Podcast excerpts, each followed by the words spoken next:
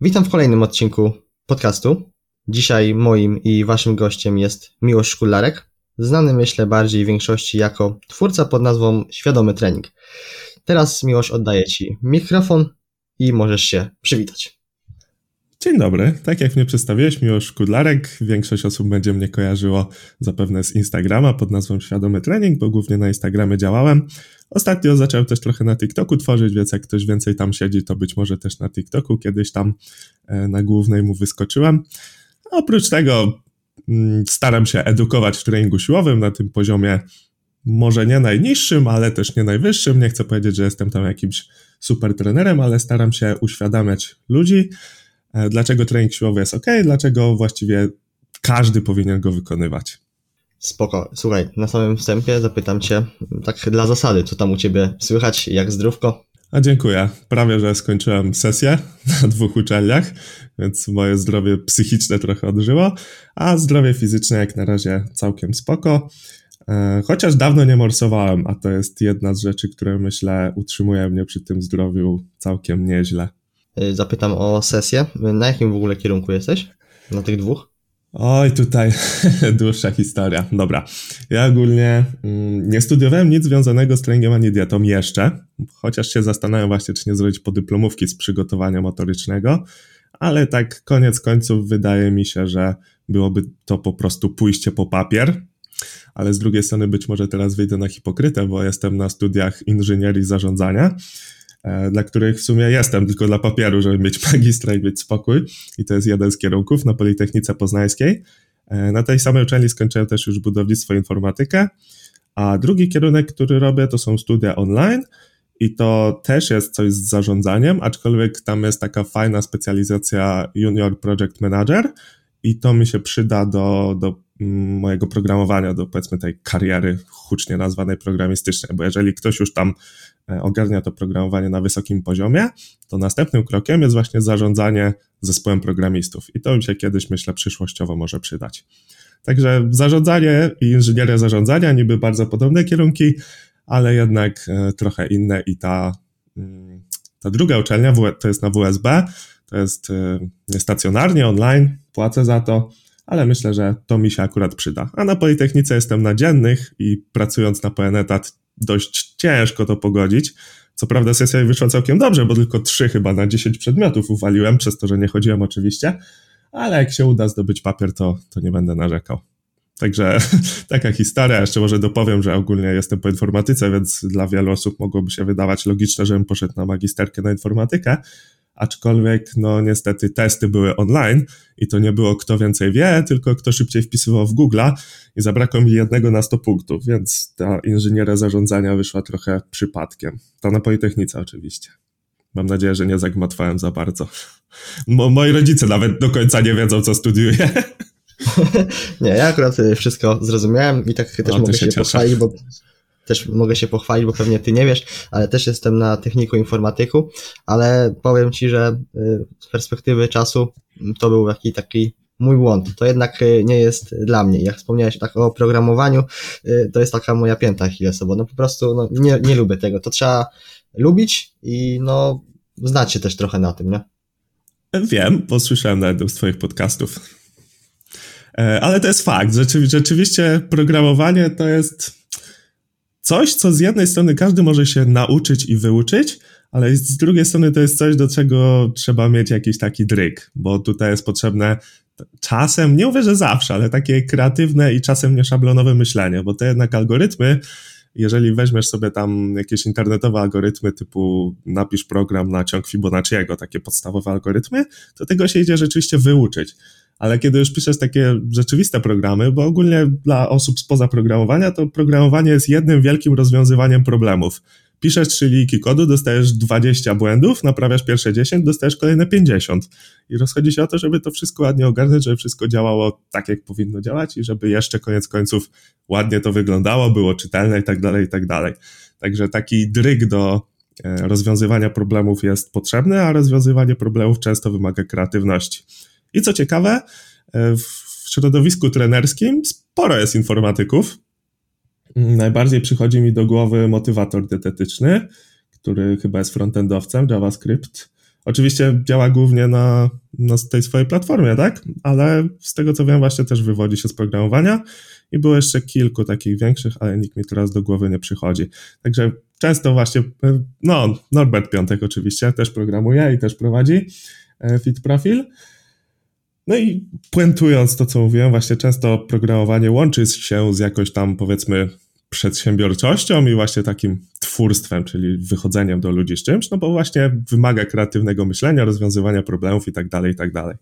Okej, okay, słuchaj, jeszcze takie jedno pytanie, zanim przejdziemy do takiego głównego, do tych głównych wątków, o które będę chciał Cię zapytać. No to jak y, wyglądają aktualnie Twoje treningi? Bo z tego, co tam y, pamiętam, to chyba jakąś y, kontuzję miałeś, ale nie wiem, jaki, jaki czas temu to było dokładnie. Okej, okay, no to dobra. Moja kontuzja to w ogóle był początek tego, jak sobie postanowiłem, że zacznę coś robić do sieci i to było 3,5 roku temu. Znaczy 3,5 roku temu poddałem się operacji, bo zerwałem więzadła krzyżowe przednie i tylne w kolanie, ACL i PCL. Um, I 3,5 roku temu miałem operację, a sama kontuzja była w maju 4 lata temu.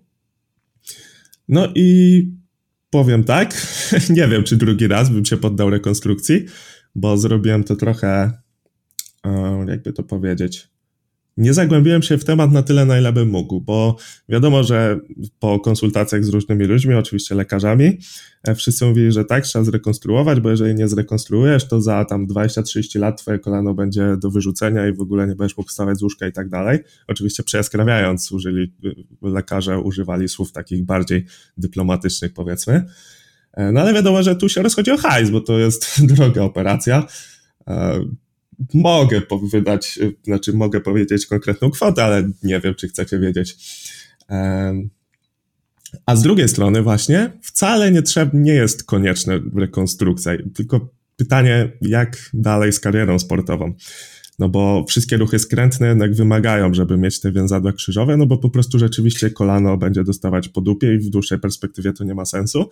Ale jeżeli bym się ograniczył do siłowni i roweru, to, to nie ma problemu, a to wydaje mi się, że byłoby dla mnie wystarczające, także to było trochę pochopne z mojej strony, no i niestety nie mówię, że to jest wina samej rekonstrukcji, bo moja rehabilitacja też z perspektywy czasu mogłaby być lepsza, ale niestety cały czas z tym kolanem mam mniejsze lub większe problemy. Um, no, ale inaczej. Um, te moje problemy z kolanem wpływają mi tylko na siatkówkę, bo ja najwięcej czasu przegrałem w siatkówkę a na siłownię mi nie wpływałem w ogóle. Jeżeli nie gram w siatkę i tylko trenuję siłowo, to nie mam właściwie żadnych problemów, poza tam lekkim zmniejszeniem ruchomości w kolanie, co jest dosyć ciekawym przypadkiem, bo zauważ, że zazwyczaj kolano nie ma żadnych problemów z mobilnością, ewentualnie ze stabilnością, a ja mam problemy właśnie z mobilnością kolana i to też jest ciekawy przypadek, ale tak jak mówię, w treningu siłowym mi to zupełnie nie przeszkadza, Chociaż przyznam szczerze, że właściwie bez nakolanników już sobie ciężej nie poćwiczę, bo właśnie nakolannik mi ogranicza ten zakres ruchu e, i dzięki temu nie wchodzę w ten zakres niemobilny. Czyli tutaj jeszcze może dopowiem, że mobilność to nie jest tylko umiejętność wejścia w dany zakres ruchu, ale jeszcze wytworzenia w nim siły. I zakres ruchu to ja oczywiście mam, ale siły w tym zakresie nie mam. Jeżeli bym na przykład zrobił bardzo głęboki przysiad bez nakolanników, to bym zrobił piękny e, shift, czyli by mnie przeniosło na nogę zdrową, znaczy obie są zdrowe, ale ta, która nie była rekonstruowana, ponieważ ona w tym miejscu by była silniejsza. I teraz właśnie dzięki nakolannikom i zmniejszeniu zakresu ruchu ja mogę wykonywać przysiady w miarę równolegle obciążając obie nogi.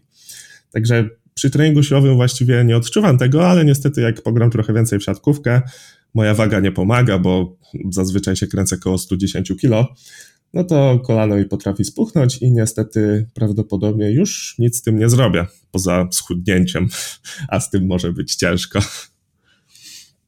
Także trochę, trochę się rozgadałem, nie wiem czy na pytanie odpowiedziałem, bo pytałeś w ogóle jak moje treningi i że miałem kontuzję. Dobra, to jeszcze wracam do moich treningów. E, obecnie od tego tygodnia właśnie wznowiłem współpracę z Dawaj Lekko, z Wieszkiem Biłatem i trenuję cztery razy w tygodniu dwubój, do tego raz w tygodniu siatkówkę i zacząłem ostatnio e, grywać w darta. I ten dart też mi dużo czasu zajmuje. Codziennie się staram tak po, po godzinkę porzucać do tej tarczy i w dłuższej perspektywie chciałbym coś, coś fajnego w tego darta pograć. Jak wspomniałeś o tym darcie, to akurat mi tak y, przyszło mm, do głowy, że ty masz kurczę w ogóle dużo takich zainteresowań, bo z tego co kojarzę to były szachy i, i tak dalej, jeszcze tam różne, różne takie były ciekawe zainteresowania, to możesz tak wymienić pokrótce, y, jakie one tam były. Nie wiem, czy wymienię wszystkie, bo ja ogólnie mam takie takie zajawki czasowe i bardzo bym chciał właśnie, żeby Dart nie był taką zajawką czasową, tylko żeby on się utrzymał bardzo długo. Już trochę w niego zainwestowałem, bo za mną stoi tarcza, stojak, mam kilka par takich już powiedzmy trochę profesjonalnych lotek, nie z najwyższej półki, ale takie, że już nie są totalnie amatorskie, więc na ten Dart już trochę pieniędzy poszło i chociażby to mam nadzieję, że mnie trochę zmotywuje do, do regularnej gry. E, przed dartem to nie wiem, czy w sumie się nadaje na taki fit podcast, ale zacząłem degustować whisky, takie trochę droższe, takie trochę lepsze. Oczywiście w małych ilościach i żeby nie było tutaj disclaimer, nie zachęcam do spożywania alkoholu. E, wcześniej był bilard i też jeżeli bym na jakieś zawody poszedł, to być może bym nie był ostatni. Szachy rzeczywiście gdzieś tam czasem się przewijają, mam czwartą kategorię, nawet myślałem, czy by przypadkiem nie przycisnąć tych szachów i nie zrobić jakiejś wyższej kategorii, ale zostaję przy tym, że sobie po prostu czasem poprzesuwam figury po szachownicy, bo grom to nazwać średnio można. Aczkolwiek ostatnio na jakimś turnieju grałem z pierwszą kategorią i tam go cisnąłem i po meczu mi powiedział, że już miał gorąco, także satysfakcję miałem. Um, czy coś jeszcze? Ciężko mi powiedzieć. Na pewno coś jeszcze by się znalazło, bo mam właśnie takie czasowe zajawki i obecnie jest to głównie dart, chociaż w bilarda też gram, w szachy też czasem jakieś zadanka porozwiązuję. Jak mi coś przyjdzie do głowy, to jeszcze dopowiem. Okej, okay. a ja tylko dopowiem o, o szachach, że ostatnio ja się wkręciłem, bo tak y, to był ostatni dzień przed feriami w szkole i akurat mieliśmy lekcje zawodowe. Mieliśmy trzy lekcje ze y, tam w Gimpie coś mieliśmy robić. No ale że było mało osób, y, a mieliśmy zacząć y, nowy, nowy temat, no to pan stwierdził, że po prostu nie będzie tego zaczynał i sobie pykniemy turniej w szachy, co nie? I ja po prostu tyle, co wiedziałem o szachach, to wiedziałem, jak się te figury, bo to nie są pionki, co ja, to są figury. Też się nauczyłem teraz. ale nie do końca, ale dokończ, zaraz A dobra, no to, to, to, to powiedz, żeby tak zachować Dobra, e, no bo jak ustawiasz na szachownicy bierki, bo ogólnie jeżeli chcesz powiedzieć o wszystkich tych czymś, co stoi, tak, to są bierki ogólnie, ale w drugiej albo siódmej linii stoją pionki, tak, jest osiem pionków, a mhm. to, co stoi za pionkami, to są figury na pierwszej lub ósmej linii, nie? Wydaje Aha. mi się, znaczy może ekspertem nie jestem, może się mylę, jeżeli tak, to niech ktoś mnie poprawi, że e, pionka nie nazywamy figurą, tak mi się wydaje. Jak chcesz powiedzieć o wszystkim, co stoi na szachownicy, to mówisz bierki. Jak chcesz powiedzieć o wszystkim oprócz pionków, to mówisz figury. Tak mi się wydaje. Aha, no dobra. No to fajnie się dowiedzieć, bo myślałem, że y, pionków w ogóle nie ma, że pionki masz tylko w warcabach. O. Nie, nie, nie. Piony są na pewno i pion, masz 8 pionów na linii drugiej i siódmej w początkowym ustawieniu. Okej, okay. dobra. Y, no to wracając do te, tego mojego mm, turnieju y, w klasie, no tam wiedziałem tylko właśnie jak y, te pionki i figury się przesuwa po tej szachownicy. Nie wiedziałem w ogóle, nawet w ogóle na początku zapomniałem, że chodzi o to, żeby nie zbić, znaczy nie zbić, po prostu nie stracić króla, co nie? I po prostu jechałem tylko po to, żeby tam zbić najwięcej tych figur, tych pionków. No, ale tak się mi to spodobało, że w, w właśnie te ferie, sobie tam wklepałem, jak właśnie nauczyć się grać w szachy. No i tak y, nawet znalazłem na strychu y, moje stare y, szachy właśnie, które dostałem na komunię, a to są takie fajne właśnie szachy wy, y, wyrobione z drewna. Mogę Ci nawet później przesłać y, zdjęcie, takie naprawdę fajna, fajna klasa tego, tych y, szachów jest. Chętnie zobaczę, propsuję w ogóle nauczyciela, bo szachy też są sportem oczywiście, to, to definicja sportu, tutaj może nie będziemy się rozwodzić zbytnio, ale chodzi o to, że e, zdecydowanie wspomagają kreatywne myślenie i szachy są taką fajną grą, że próg wejścia jest bardzo niski, no bo rzeczywiście musisz się nauczyć, jak się przesuwają pionki i figury, tak? Ale żeby wymasterować tę grę, to możesz grać całe życie i dalej być taki średni, nie? Więc to jest taka fajna gra z małym progiem wejścia, ze sporym wysiłkiem umysłowym do gry, i jeżeli się wkręcisz, to, to masz zajawkę na całe życie, więc szachy są naprawdę spoko. A jeszcze a propos bicia, jak mówiłeś, to taką ciekawostkę powiem, że jest też odmiana szachów. E, nie pamiętam jak się nazywały, chyba szachy samobójcze. I tam wygrywa ten, kto e, straci wszystkie figury. Czyli wszystkie figury musisz podstawiać i bicie jest obowiązkowe. I jak stracisz wszystkie figury, to wygrywasz. To jest taka fajna odmiana szachów. Jeżeli ktoś już gra sporo w takie normalne szachy, to, to jest taka fajna odskocznia, że musisz wszystko podstawiać i to zupełnie inaczej się myśli. I w ogóle tak jeszcze a propos myślenia, bo w szachach trochę boli mnie to, w ogóle przyszliśmy na szachy, nie? Z treningu siłowego, ale spoko. E, w szachach boli mnie to, że są bardzo wyuczone debiuty. I na przykład jak ostatnio oglądałem Mistrzostwa Świata, to właściwie yy, wszyscy komentatorzy byli zgodni, że cała partia została rozegrana w domu, nie? Oni po prostu przyszli odklepać ruchy. E, tam do 40 ruchu bodajże wszystko mieli zaplanowane, wyliczone, więc właściwie nie było gry w szachy, tylko było przygotowanie wcześniejsze. Oczywiście w przygotowaniu wcześniejszym na poziomie Mistrzostw Świata to tam jest pewnie kilkadziesiąt osób. E, I taką właśnie fajną odmianą szachów, gdzie nie ma tych wszystkich wyuczonych rzeczy, są szachy Fischera bodajże, gdzie piony są ustawione tak samo, ale figury są losowo rozmieszczone. Tam oczywiście są pewne zasady, ale chodzi o to, że każda partia może być inna i tam nie idzie się wyuczyć. I tutaj ciekawostka, e, mistrz świata w szachy takie normalne, e, w Mistrzostwach Świata, właśnie tych szachach Fischera, jeżeli dobrze pamiętam, dostał lanie, że aż smutno. No, tyle, tyle ciekawostek na temat szachów. szachów. Możecie się dowiedzieć w, w tym to podcaście. Teraz, to teraz jeszcze bilard, dart, może whisky? No, ja akurat się na tym już tak za bardzo nie znam, ale może kiedyś jeszcze y, się zgadamy, to porozmawiamy o tym. Może akurat mnie najdzie ochota na granie w bilarda. A też tylko słówko a propos szachów, to pewnie już znalazłeś, ale kanał Mariancello na YouTubie to, to będzie twój przyjaciel na początek. E, tak, właśnie tam y, uczyłem się tego i on właśnie omówił o figurach. Okej, okay, no może, może miał na myśli konkretnie figury, ale dobra. Jeszcze jeden kanał trochę mniej popularny, ale też moim zdaniem bardzo fajny, Dawid Czerw TV. A, okej, okay, to sobie mm, zapiszę. Dobra, tyle myślę o szachach. Teraz y, przejdźmy do y, tematów bliższych, myślę też słuchaczom, chociaż pewnie ktoś tam może gra sobie w szachy. Także też propsujemy to takie coś. Jasne. Teraz cofnijmy się trochę w czasie i zapytam cię, kim chciałbyś, chciałeś być, jak byłeś dzieckiem? Czy w ogóle sport y, wchodził w grę? Ale z tego co wiem, to chyba tak, no bo w tą siatkówkę grałeś, co nie? Oj, to jest trudne pytanie, kim chciał być jako dziecko. I wiesz co, odpowiem ci, że nie mam pojęcia, bo jakby to powiedzieć nie chcę powiedzieć, że nie byłem życiowo rozgarnięty jako dziecko, ale po prostu żyłem z dnia na dzień i nie zastanawiałem się, co będzie w przyszłości. I to miało bardzo złe konsekwencje. Także e, domyślam się, że publiczność mamy taką właśnie w wieku przechodzącą na studia być może gdzieś, to tutaj może być takie fajna lekcja życiowa, chociaż absolutnie nie, nie czuję się jako osoba, która takie lekcje powinna dawać, ale tutaj na moim błędzie być może ktoś sobie trochę więcej przemyśli, bo ja właśnie żyłem z dnia na dzień i poszedłem do gimnazjum, bo tak trzeba było, poszedłem do liceum, bo było jedyne w mieście, no jedyne w mieście takie powiedzmy normalne, bo były trzy licea i tylko jedno miało jaki, jakikolwiek poziom. E, no i potem poszedłem na studia, bo tak trzeba i poszedłem na studia w ogóle kierunek zupełnie przypadkowo, to budownictwo wyszło i dzisiaj totalnie nic z tego budownictwa nie mam. Znaczy no, fajny program napisałem, zaprojektowałbym belkę i tak dalej, ale nic więcej. Także poniekąd straciłem trochę czasu. E, dlatego chciałbym powiedzieć właśnie dla młodszej publiczności, być może, która się zastanawia, czy w ogóle iść na studia albo jaki kierunek wybrać, że poświęcili na to jednak trochę więcej czasu. E, I żeby też wzięli pod uwagę, ja wiem, że nacisk ze strony rodziców zapewne jest, żeby iść jednak na te studia, ale w dzisiejszych czasach studia wcale nie są tak potrzebne, jak były jeszcze jakiś czas temu. Dzisiaj papier magistra właściwie nic nie znaczy.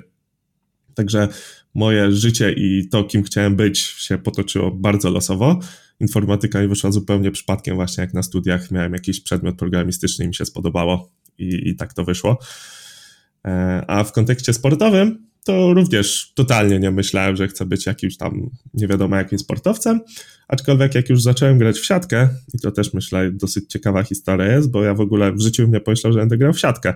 Raz w podstawówce zabrakło jednego zawodnika i poszedłem i e, pamiętam, że na odprawie, to były czwórki, e, i pamiętam, że na odprawie trener powiedział coś takiego, że e, na Miłosza gramy trochę mniej i moja pozycja się mm, ograniczyła do tego, żeby po prostu stał na boisko i wypełniał lukę. I całkiem dobrze nam szło, z tego co pamiętam, ale kolega połamał rękę i koniec końców zostaliśmy zdyskwalifikowani, bo i tak tego jednego zawodnika zabrakło. E, a jak poszedłem do gimnazjum, to właśnie gdzieś tam przypadkowo poszedłem na jakiś SKS siatkówki i pani trenerka zauważyła, co nie było dosyć trudne, że jestem wysoki, bo tutaj warto dodać, że od drugiej gimnazjum mój wzrost się nie zmienił i teraz y, osoba w drugiej klasie gimnazjum mająca 1,93 m, no to to jest łakomy kąsek dla klubów siatkówki. No i właśnie do lokalnego klubu się zapisałem, tam trochę w tę siatkę pograłem i jak już e, miałem jakieś tam pierwsze zawody na poziomie wojewódzkim, to szkoła mistrzostwa sportowego tam była i właśnie trener szkoły mistrzostwa, sport, szkoły mistrzostwa sportowego zaproponował mi wyjazd do Świnoujścia i zapewne jeżeli bym skorzystał z tej propozycji, to było liceum sportowe, tak żebym musiał wyjechać za miasto już w liceum, a jak mówiłem, żyłem z dnia na dzień i było mi wygodnie po prostu iść do liceum w Drawsku, dlatego praktycznie nie rozpatrywałem tej możliwości. No i wiadomo, że mm, jak, jak się jest młodym, to mm, nie ma się takiego abstrakcyjnego myślenia do przodu i w sumie dobra decyzja, że nie poszedłem w ten sport, bo wiesz, jeżeli bym i tak zerwał te ACL, no to teraz już bym był totalnie, jakby to powiedzieć, bez, bez, bez pracy, bez umiejętności, bym właściwie od zera musiał zaczynać, nie? Także no sport to niestety jest takie coś, że póki jesteś dobry, to, to jest fajnie, ale póki jak ci się coś stanie, to czasem klub może się na ciebie wypiąć. Oczywiście nie mówię, że wszystkie kluby, ale no, często bywa tak, że zawodnik zostaje z kontuzją praktycznie sam później. No jeżeli bym skorzystał, to być może bym coś w tę siatkę pograł, ale nie skorzystałem. E, no i tak się potoczyło, nie? Także sportowo też zupełnie nie myślałem, kim mogę być. Miałem jakieś tam perspektywy na tę siatkówkę, nawet tuż przed kontuzją już to całkiem fajnie zaczynało wyglądać, bo w drużynie, w której grałem tutaj na Politechnice byli praktycznie samo drugoligowi zawodnicy i rzeczywiście byłem słabszy, ale tam już goniłem ich, że tak powiem, z tym poziomem, więc, więc to już nie było tylko odbijanie, tylko było całkiem fajnie, no ale niestety kontuzja i, i sobie teraz gram typowo hobbystycznie, także e, tak jak jest teraz mi odpowiada, wyszło zupełnie przypadkiem, nie myślałem kim chcę być, no i, i stawiam kropkę, bo się znowu rozgadałem. Okej, okay. a ja lubię jak ktoś sobie tak dłużej porozmawia. Także jeżeli, jeżeli chcesz ściągnąć jakiś temat, to, to śmiało. Ja nie mam nic przeciwko. A teraz dobra, zapytam... może bardziej merytoryczne będę ciągnął. Okej, okay, dobra. Y, teraz zapytam y, o aspekt siłowni, kiedy ona się pojawiła, bo myślę, że jeszcze jak byłeś właśnie tej, to była druga gimnazjum, tak? Jak dołączyłeś? Nie. Tak. Mhm. Do siatkówki tak na poważnie, tak. No to wtedy pewnie jeszcze takich typowo treningów siłowych y, nie wykonywałeś, czy wykonywałeś? No właśnie zaczęło się równolegle z tą siatkówką. Miałem 14 lat, kurde, to już zaraz 12 lat temu. E, I zaczęło się to w sposób myślę, że standardowy dla osób mojego pokroju, czytaj bardzo wysoki i bardzo chudy, bo przy 193 cm wzrostu ważyłem chyba 65 kg. To sobie każdy może wyobrazić, jak to wyglądało. Zresztą mam zdjęcia chyba na Instagramie, też można zobaczyć. To uwaga, teraz ja przerwę. Ja mam teraz aktualnie 68 kg i mam 1,73 m. No właśnie, czyli doda- rozłóżcie sobie wagę jeszcze na 20 centów więcej, czyli o głowę wyższego. No to pewnie się domyślacie. jak to mogło wyglądać. No i trochę tej masy właśnie, wiadomo, chciało się przybrać. Zamówiłem sobie tam ławeczkę, zestaw obciążeń. Jak sobie pomyślę, za jaką cenę to zamówiłem wtedy. Oczywiście 12 lat, inflacja te sprawy, nie? Ale w porównaniu do, że dzisiaj masz kilo obciążenia za dychę, to tam chyba za cały zestaw zapłaciłem 200 zł. Ławeczka, sztanga, obciążenia, hantelki, nie? To w ogóle inwestycja życia by była. E, no i zaczęło się, że tak wiadomo, bez ładu i składu trochę zacząłem ćwiczyć, chociaż już od dłuższego czasu interesowałem się tam tym treningiem siłowym. W tamtych czasach głównym źródłem informacji było forum SFD. Wiadomo, jeszcze YouTubek już chyba był, ale bardzo raczkował. No i właściwie tych rzetelnych informacji było całkiem mało. Wiadomo, jak to na forum SFD wyglądało. Z perspektywy czasu dzisiaj tam sporo informacji się, że tak powiem, źle zestarzało ale że tak powiem, bez większych przerw właściwie te już ponad 11 lat sobie trenuję. No, największą przerwą to było właśnie dwa miesiące po, po operacji, chociaż Też trochę ćwiczyłem siłowo, tylko nie na siłowni, bo kiedy na przykład mamy zaspawaną nogę, czytaj nieruchomą, to po pierwsze ważne jest, żeby jak najszybciej wrócić ruchomość tej kończyny. Oczywiście, jeżeli, jeżeli trzeba, bo tak mówię w ogólności, bo no, odchodzi się od gipsowania wszystkiego i zamykania bez ruchu, bo to moim zdaniem jest w ogóle bezsens. E, a jeszcze co chciałem powiedzieć a propos, no to e, poza tym, że chcemy rozruszać, tak, tę kończynę, która, która jest nieruchoma, to jeszcze fajniej, żeby ćwiczyć inne rzeczy, bo przecież e, jeżeli będziemy ćwiczyć inne rzeczy, to przyspieszymy krążenie i krążenie nie jest tylko miejscowe, tylko szybciej w ogóle krew krąży po całym ciele, tak, także szybciej się będziemy regenerować, szybciej ta rehabilitacja będzie przechodzić, także pamiętam właśnie mój wtedy trener siatkówki, bardzo mnie cisnął, żebym trenował chociażby samą górę, nie? żeby, żeby tę, krew pobudzić, żeby ta regeneracja szła szybciej. I znowu zgubiłem wątek. O czym mówiliśmy? A, o moim treningu siłowym. No to chyba odpowiedziałem. Dobra, a tak mówiłeś, że już zainteresowałeś się tym treningiem w wieku tam mniej więcej 14 lat, ale też prawdopodobnie w późniejszym czasie ten, to zainteresowanie nie tylko treningiem, ale pewnie też i odżywianiem mm, pojawiło się w takim, no, większym stopniu, że, nie wiem, zacząłeś zwracać uwagę, czy to na wagę, czy, czy po prostu, żeby lepiej wyglądać. Wiesz co, u mnie to dosyć mm, płynnie wszystko się działo, bo po prostu jak ćwiczyłem, to jeżeli potrzebowałem jakieś informacje, to szukałem tej informacji. Po prostu razem z treningiem się tak dosyć liniowo rozwijałem, aczkolwiek najwięcej czasu na edukację poświęciłem właśnie jak zacząłem studia budownictwa, które były dla mnie no, bardzo proste, powiedzmy, i właściwie studiowanie nie zajmowało mi w ogóle czasu. I miałem bardzo dużo czasu wolnego i potrafiłem na, sił, na siłkę chodzić cztery razy w tygodniu po trzy godziny. I oprócz tego miałem i tak bardzo dużo wolnego czasu, mogłem sobie spać do 12, co bardzo lubię. I oprócz tego i tak jeszcze miałem dużo czasu i właśnie ten czas poświęciłem głównie na edukację treningową i naprawdę wtedy sporo tej wiedzy mi, mi doszło. Także można powiedzieć, że od początku studiów, czyli ile to?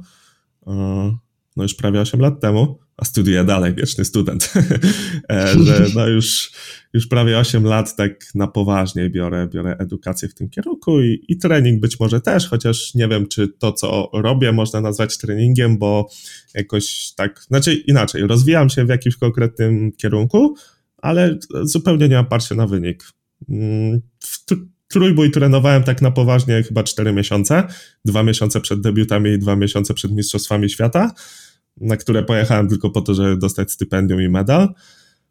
A tak właściwie na poważniej trójboju nie trenowałem poza tym okresem. Teraz trenuję sobie dwubój i już, już go chyba było więcej niż trójboju, ale też zupełnie nie mam żadnego parcia na wynik. Po prostu bawię się ruchem i jestem z tego zadowolony. E, I też lubię to podkreślać tutaj, może znowu, jeżeli znowu mądre życiowe chciałem powiedzieć, ale tak jak mówię, absolutnie nie czuję się do udzielania takich rad. E, ale jeżeli nie chcesz być naprawdę zawodowcem, to zastanów się, czy chcesz poświęcać wszystko dla, dla tych cyferek trójbojowych najczęściej, nie? Bo czasem czasem. No, znam osoby, które przesadzają. Po prostu chodzą sobie poćwiczyć, ale trenują tak typowo trójbojowo i jeżeli wiesz, jeżeli się dojedziesz na takim treningu trójbojowym, to po pierwsze on trwa 3 godziny, po drugie potem nie masz na nic siły, nie? I takie, takie życie, że praca, siłownia i nic więcej. No to moim zdaniem to, to trochę mija się z celem i tutaj bardzo apeluję o, o zdrowy rozsądek w treningu. Może nie tyle nawet co o, o te cyferki na, na sztandze, ale też przede wszystkim no, o zdrowie, co nie? To jest też główne. To myśl. zdecydowanie, ale tutaj powiedzmy, że dobrze ułożony trening trójbojowy może być zdrowy, nie? To, to, to tak przyjąłem. Chociaż też nie oszukujmy się, zazwyczaj nie jest. A teraz zapytam Cię jeszcze o, bo na pewno zdarzyły się, wątpię, żeby, chyba tylko Radek Markowski jest takim y, tutaj mm, no nie wiem, y, przykładem tego, że takich y, ostrych błędów w treningu i odżywianiu nie popełniał, bo rozmawiałem z nim już właśnie też w podcaście na ten temat i on mówi, że takich y, większych błędów nie popełniał. Ale teraz zapytam ciebie, bo prawdopodobnie też jakieś błędy zdarzyły. Wiesz co, biorąc pod uwagę właśnie, że nigdy nie trenowałem tak typowo żyłując wynik, to te błędy rozchodziły się po kościach. E, moim największym błędem było to, że popsułem sobie to kolano, bo to był Kontuzja odbyła się w ten sposób, że grałem w siatkę, wylądowałem na jedną nogę i prawdopodobnie blokujący mi wpadł w tę nogę, tak? Czyli prawdopodobnie po prostu wygiął mi kolano w bok. E, aczkolwiek, no oczywiście on mówi, że nie i absolutnie nie mam zamiaru roztrząsać, czy rzeczywiście tam kontakt był, czy nie.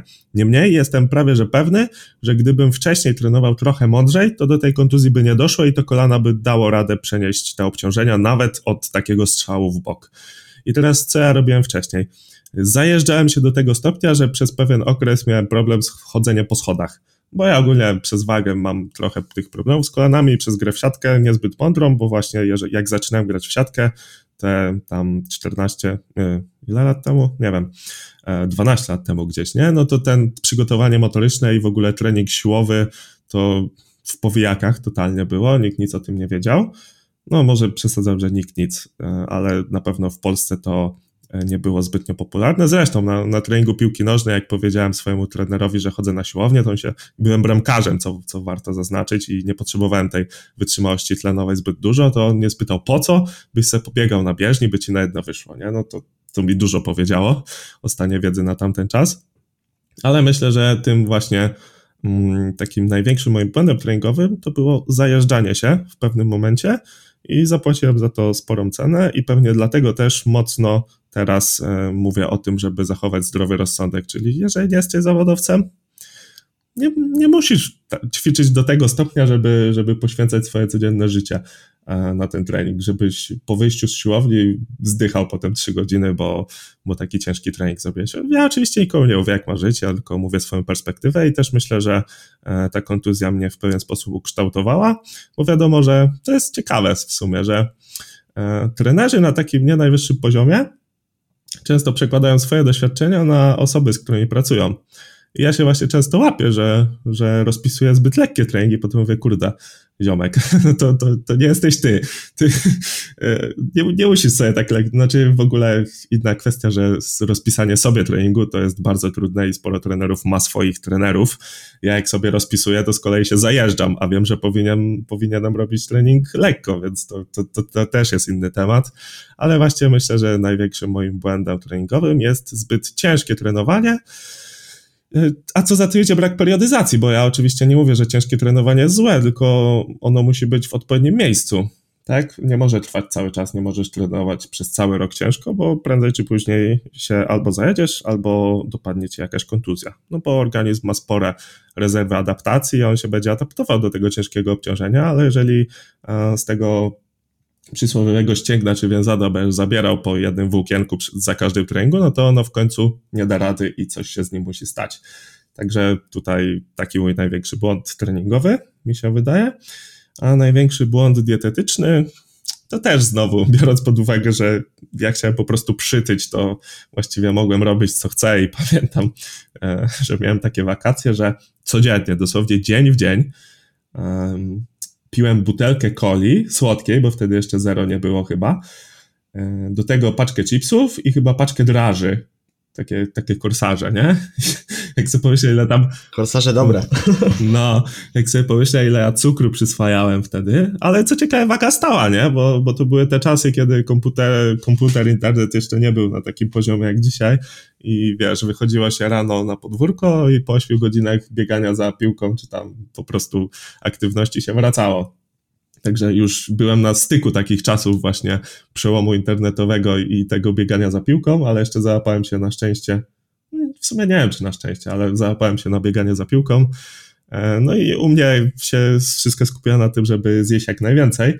No i oczywiście ta dieta jakościowa nie była w żaden sposób odpowiednia. I to też oczywiście można uznać za błąd, ale największym błędem to już było, kiedy kiedy rzeczywiście udało mi się przytyć, już przekroczyłem trzycyfrową wartość i robiłem pierwszą, może nie pierwszą, ale robiłem redukcję i przez jakiś dłuższy czas waga mi stała w miejscu i się zastanawiałem, co jest nie tak, nie?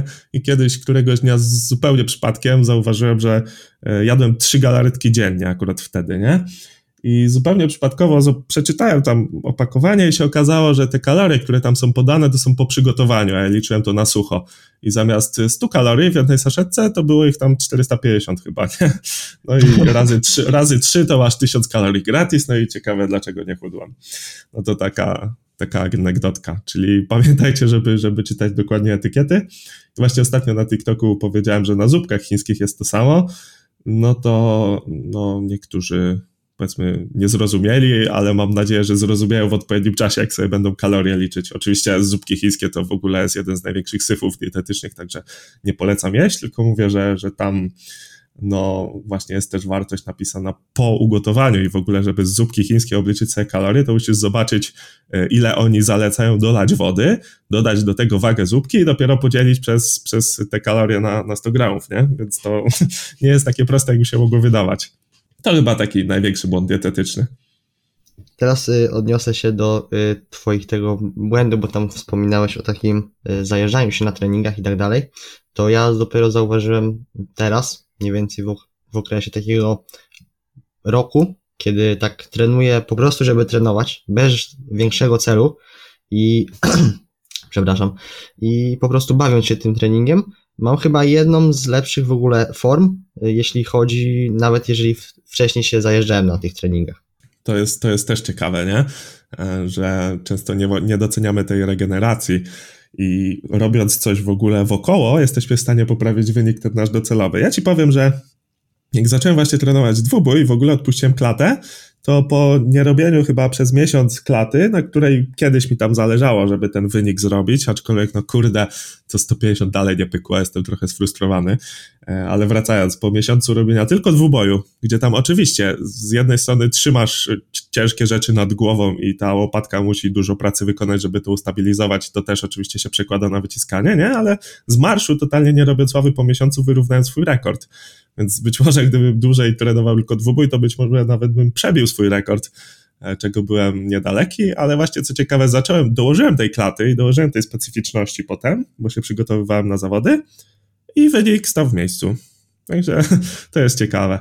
Jeszcze a propos tego takiego trenowania bez, bez konkretnego celu, to najlepiej wspominam czasy siłowni, wtedy, kiedy chodziłem sobie codziennie na 20 minut na trening. Miałem siłkę niedaleko i po prostu wychodziłem, brałem torbę, wchodziłem już przebrany, robiłem objazd FBW po wszystkich maszynach praktycznie bez żadnych przerw, to, to praktycznie wiesz, nie ma żadnego celu siłowego, hipertroficznego, bo na braku przerw nie zrobisz nic ciekawego, ale po prostu wiesz, każdą, każdą partię mięśniową sobie spompowałeś i po 20 minutach wychodziłeś, kurde, nowonarodzony. To jest najlepszy czas, jaki wspominam na siłowni, nie? 20 minut treningu tam 4 czy 5 razy w tygodniu. Tylko tyle, aż tyle. no i też fajnie. E, słuchaj, teraz y, chciałbym y, Ci tutaj zaproponować taki temat, który już, już poruszałeś, jak dobrze pamiętam, z Kubą Cyką u, jego na, u niego na odcinku, na temat swojej książki. Tak w kilku słowach, jakbyś mógł opowiedzieć, o czym ona jest i dlaczego zdecydowałeś się na jej napisanie. No dobra, no to dla tych, co nie wiedzą, to popełniłem książkę Świadome Odchudzanie, która miała swoją premierę w grudniu 2020 roku i zabrałem tam po prostu praktycznie wszystko, co wiedziałem, bo długo jeszcze myślałem, co by można było tam dodać i właściwie nie, nie wymyśliłem. E, wszystko, co trzeba wiedzieć, żeby schudnąć, tak? A więc 52 rozdziały są. Myślę, że są bardzo konkretne, bardzo jednotematyczne i że wszystko wyjaśniają i bardzo się cieszę, że wszystkie oceny które na razie otrzymałem, to potwierdzają, że ta książka jest rzeczywiście tak napisana przystępnym językiem, że jest wszystko wytłumaczone, co, co powinno być wytłumaczone. E, a czemu ją napisałem? Wiesz co, dużo, mimo że trochę mój. Na początku chciałem zrobić profil tak typowo treningowo, ale pomyślałem, że taki bardziej dla trenera personalnego profil też będzie spoko, czyli że poza samym treningiem siłowym będę też poruszał tam tematy dietetyczne, trochę zdrowia, trochę właśnie świadomości i zdrowego rozsądku. Dlatego mi się trochę ten temat rozjechał. W ogóle nazwa świadomy trening trochę sugeruje, że właśnie to miało być tylko treningowe, ale myślę, że ta nazwa i tak jest spoko, całkiem jestem z niej zadowolony i bardzo mi się spodobała, tak swoją drogą. No ale dostawałem właśnie dużo pytań dietetycznych i pomyślałem, że zbiorę wszystko, co, co powinno być w jedno miejsce i tak powstała książka. E, myślę, że w tym pytaniu też było tam trochę ukryte czemu fizyczna, a nie e-book, bo teraz e-booki są bardzo, bardzo popularne. To właściwie z tego co pamiętam, jednym z głównych powodów było to, że fajnie jest napisać książkę i trzymać ją w ręce, a drugi z powodów to było trochę zboczenie mm, programistyczne. Bo tak, jeżeli ktoś kupi ode mnie książkę, to no musiałby ją zeskanować, żeby ją powiedzieć, tak, jak masz e-booka, to wysyłasz na maila i dziękuję. I ja bardzo długo kminiłem, jak to zabezpieczyć, żeby tak się nie dało i do niczego konkretnego nie doszedłem. Oczywiście to są takie kwestie cyberbezpieczeństwa, nie? Ja się zastanawiałem, czy przypadkiem nie, e, nie hasłować czegoś w tym, w sensie w PDF-ie nie hasłować, żeby każdy plik był, wyglądał inaczej, żebyś miał powiązanie do konkretnego użytkownika. To się dzieje na ten, takim poziomie wyższym, że nie jesteś w stanie dostrzec różnicy, ale każdy plik jest inny i jeżeli sobie weźmiesz skrót z tego pliku, czyli wartość daną dla danego pliku, to jesteś w stanie dojść, kto, kto ci tutaj plagiat zrobił, nie? I no, nie chciałem się w to bawić, a po drugie, no fajnie jest mieć taką fizyczną książkę. Oczywiście trzeba ją wysyłać i tak dalej, ale mi się to bardzo podoba i, i cieszę się, że ona powstała. A tak jeszcze e, Oczywiście, jeżeli ktoś jest zainteresowany, to tam więcej informacji znajdzie świadomytrening.pl ukośnik książka, e, bez polskich znaków oczywiście, chociaż nie pomyślałem z tym linkiem, bo właśnie się tworzy moja druga książka, o czym chciałem powiedzieć i ona już będzie właśnie typowo treningowa, o wyciskaniu leżąc, już tam jest końcowa, końcowy etap prac nad nią, ale niestety przez braki w dostawach terminy druku są bardzo długie, więc prawdopodobnie ukaże się dopiero w połowie roku, aczkolwiek jeżeli mogę, to, to już się tutaj poniekąd reklamuję. Jasne, spokojnie, spokojnie, spokojnie. Ja właśnie miałem zapytać, czy jest w planach jakaś druga książka i także odpowiedziałeś na moje kolejne pytanie.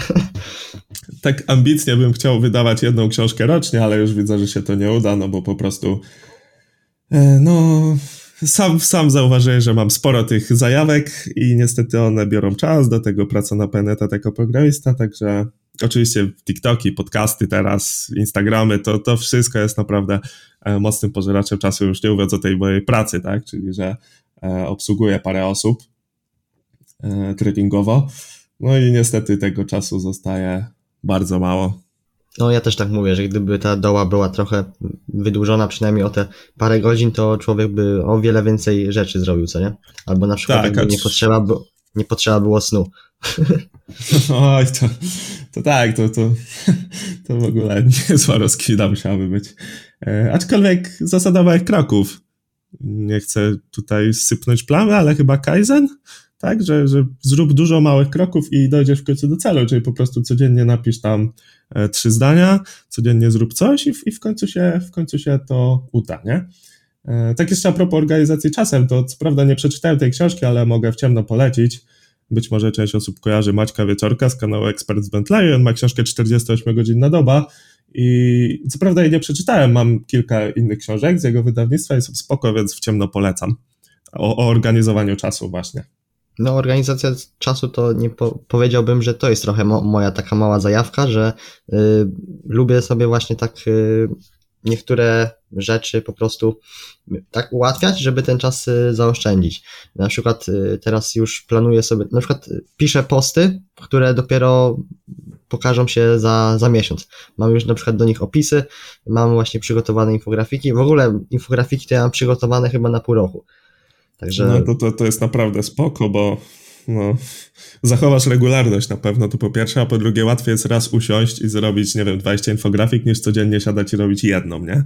Ale to też oczywiście trzeba zaplanować, także no, to też jest fajny temat do rozwinięcia, może, może nie, nie mówmy o tym, bo znowu się nagadam i, i kolejne pół godziny przeleci.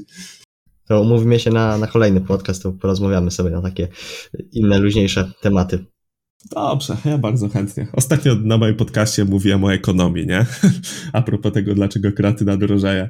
Także fajnie, że zacząłem swoje podcasty nagrywać, bo tam będę mógł się trochę, powiedzmy, wygadać, chociaż te odcinki będą dosyć krótkie, bo też mam coś takiego, co jest z jednej strony plusem, z drugiej strony minusem, że może teraz to nie widać, ale ja bardzo konkretnie przekazuję informacje. Czyli jeżeli miałbym napisać jakiś artykuł, to ja go napiszę najkrócej jak to możliwe i nie będę się rozpisywał bardziej, a to z jednej strony jest korzystne, bo odbiorca ma konkretną informację, ale z drugiej strony jest niekorzystne, bo odbiorca może nawet do tego nie dotrzeć przez na przykład swoje pozycjonowanie, nie? Im więcej napiszesz, tym większa szansa, że się lepiej wypozycjonuje. Na przykład w kontekście strony internetowej bloga, nie? W kontekście mm, postów na Instagramie to, to w sumie trochę inny temat, bo to, to trochę inna platforma. No ale ta, to konkretne przekazywanie informacji nie jest zawsze plusem, aczkolwiek właśnie podoba mi się, że na TikToku masz te bardzo krótkie filmy i musisz wszystko powiedzieć w krótkim czasie. No i spodobała mi się taka forma, chociaż wiadomo, e, publiczność jest tam, nazwijmy to dyplomatycznie, wymagająca. Ale wiesz co, w dzisiejszych czasach właśnie takie nastawienie na krótki, szybki przekaz jest bardzo lubiane i wręcz pożądane. Ludzie, tak, nie, tak. Lubię, nie, nie, ludzie nie lubią czytać długich treści i to możesz nawet zauważyć po treściach y, merytorycznych. Na pewno y, znasz Mikołaja Żeglińskiego, który robi świetne materiały, czy to na YouTube, czy to właśnie na swoim Instagramie, y, tam na tym drugim profilu, bardziej poświęcony infografikom. On nie ma aż tak dużo osób obserwujących czy subskrybujących kanał, bo to jest po prostu długie i dla niektórych to jest po prostu nudne takie długie treści. Znam, znam. Mieliśmy kiedyś tam mikrodramę. Nie zgadzamy się w jednej rzeczy. nie no, nie drama. To, to była bardzo kulturalna dyskusja ogólnie i Yy, powtórzenia wysokostymulujące chodzi. Już, już zamknąłem temat, nie wypowiadam się na niego. Jak ktoś chce, to znajdzie sobie post i będzie wiedział, co ja o tym myślę. Rozumiem. Znaczy te powtórzenia wysokostymulujące, powiedziałbym, y, dla mnie to też jest trochę przejęcie, bo po prostu lepiej skupić się gdzieś na, na tej progresji takiej mm, powtórzeń czy, czy serii, niż tam aż tak dogłębnie tego szukać. Wiadomo, że to jest y, dobra miara, taka jedna chyba z lepszych, ale no też są inne też dobre. Jeżeli nie mamy takiego, jeżeli nie mamy takiego nastawienia, takiego ciśnienia pod tą sylwetkę, to i tak osiągniemy prędzej czy później wymierne efekty. Pomidor. Już, już zakończyłem ten temat. Okay, tak tak globalnie, nie? Zresztą to też nie do końca mój temat jest, bo rzeczywiście to, co się odnosi bardziej do hipertrofii, ja jestem bardziej skierowany ku treningowi siłowemu, ukierunkowanemu na zdolności motoryczne bardziej niż sama masa mięśniowa, więc też e, z jednej strony można by powiedzieć, że nie powinienem się wypowiadać na taki temat, ale z drugiej strony czemu nie? No, tak czy inaczej mówię. Już, już więcej u mnie o tych powtórzeniach nie usłyszycie. Okej, okay. E, słuchaj, teraz e, spytam Cię tak jeszcze, e, chyba na zakończenie, jakie masz takie plany na przyszłość? Powiedziałeś już o tej książce, ale czy, czy coś jeszcze? Teraz zacząłeś właśnie nagrywać swój podcast, ale czy będziesz chciał już mniej więcej utrzymać to, co jest teraz, czy jeszcze będziesz chciał w coś wejść? Wiesz co, jako że jestem jednoosobową firmą, nazwijmy to, to mam ograniczony czas i niestety nie mogę wchodzić w zbyt dużo, bo to się skończy tak, jak się skończyło ostatnio na moim Instagramie, czytaj, e, no jak dopada mnie sesja, czy tam miałem po prostu więcej obowiązków poza, e, poza treningowych, no to mój Instagram właściwie przez chyba dwa miesiące był martwy. No i nie można za dużo tego robić, bo niestety się nie wyrobię. Teraz właśnie sobie zacząłem nagrywać podcast. Bardzo mi się podoba to, bo no bo odcinki trwają po kilkanaście minut i właśnie planuję je w, dwa razy w tygodniu um, ukazywać kolejne odcinki w poniedziałek i piątek i mogę sobie właśnie takich kilkunastominutowych odcinków nagrać spokojnie na zapas. E, TikToków też mogę sobie nagrać na zapas sporo, no bo przecież na TikToku mm, jeden post to jest dosłownie 20 sekund nagrywania i praktycznie żadnej obróbki, więc to też mi bardzo pasuje. Tam jest rzeczywiście tak skonkretyzowane i nie musisz się tak bardzo bawić jak na przykład na YouTubie, żeby przyciągnąć odbiorcę chociażby samą miniaturką. E, pisanie książki, tak jak mówiłem, kroczek po kroczku. Mam nadzieję, że w końcu się ukaże druga, a potem, no w tym roku jeszcze nie, ale trzecia, czwarta i tak dalej. Może wrócę na tory, żeby co rok jedną książkę wydawać. Bardzo fajnie by było.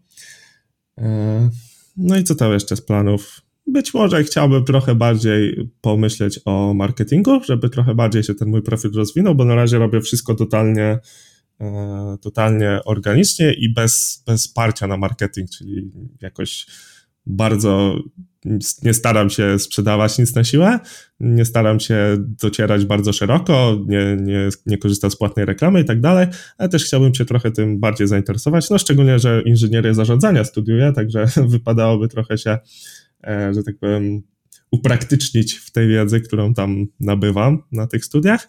No i coś, co już wspomniałem, to chcę rzeczywiście przycisnąć tego darta i pod koniec roku już taką całkiem fajną formę prezentować w ten sport. To jest ogólnie dart, to jest fajny sport, podobnie jak szachy, że do grania potrzebujesz niewiele, a masterować możesz praktycznie cały czas i mieć z tego fan.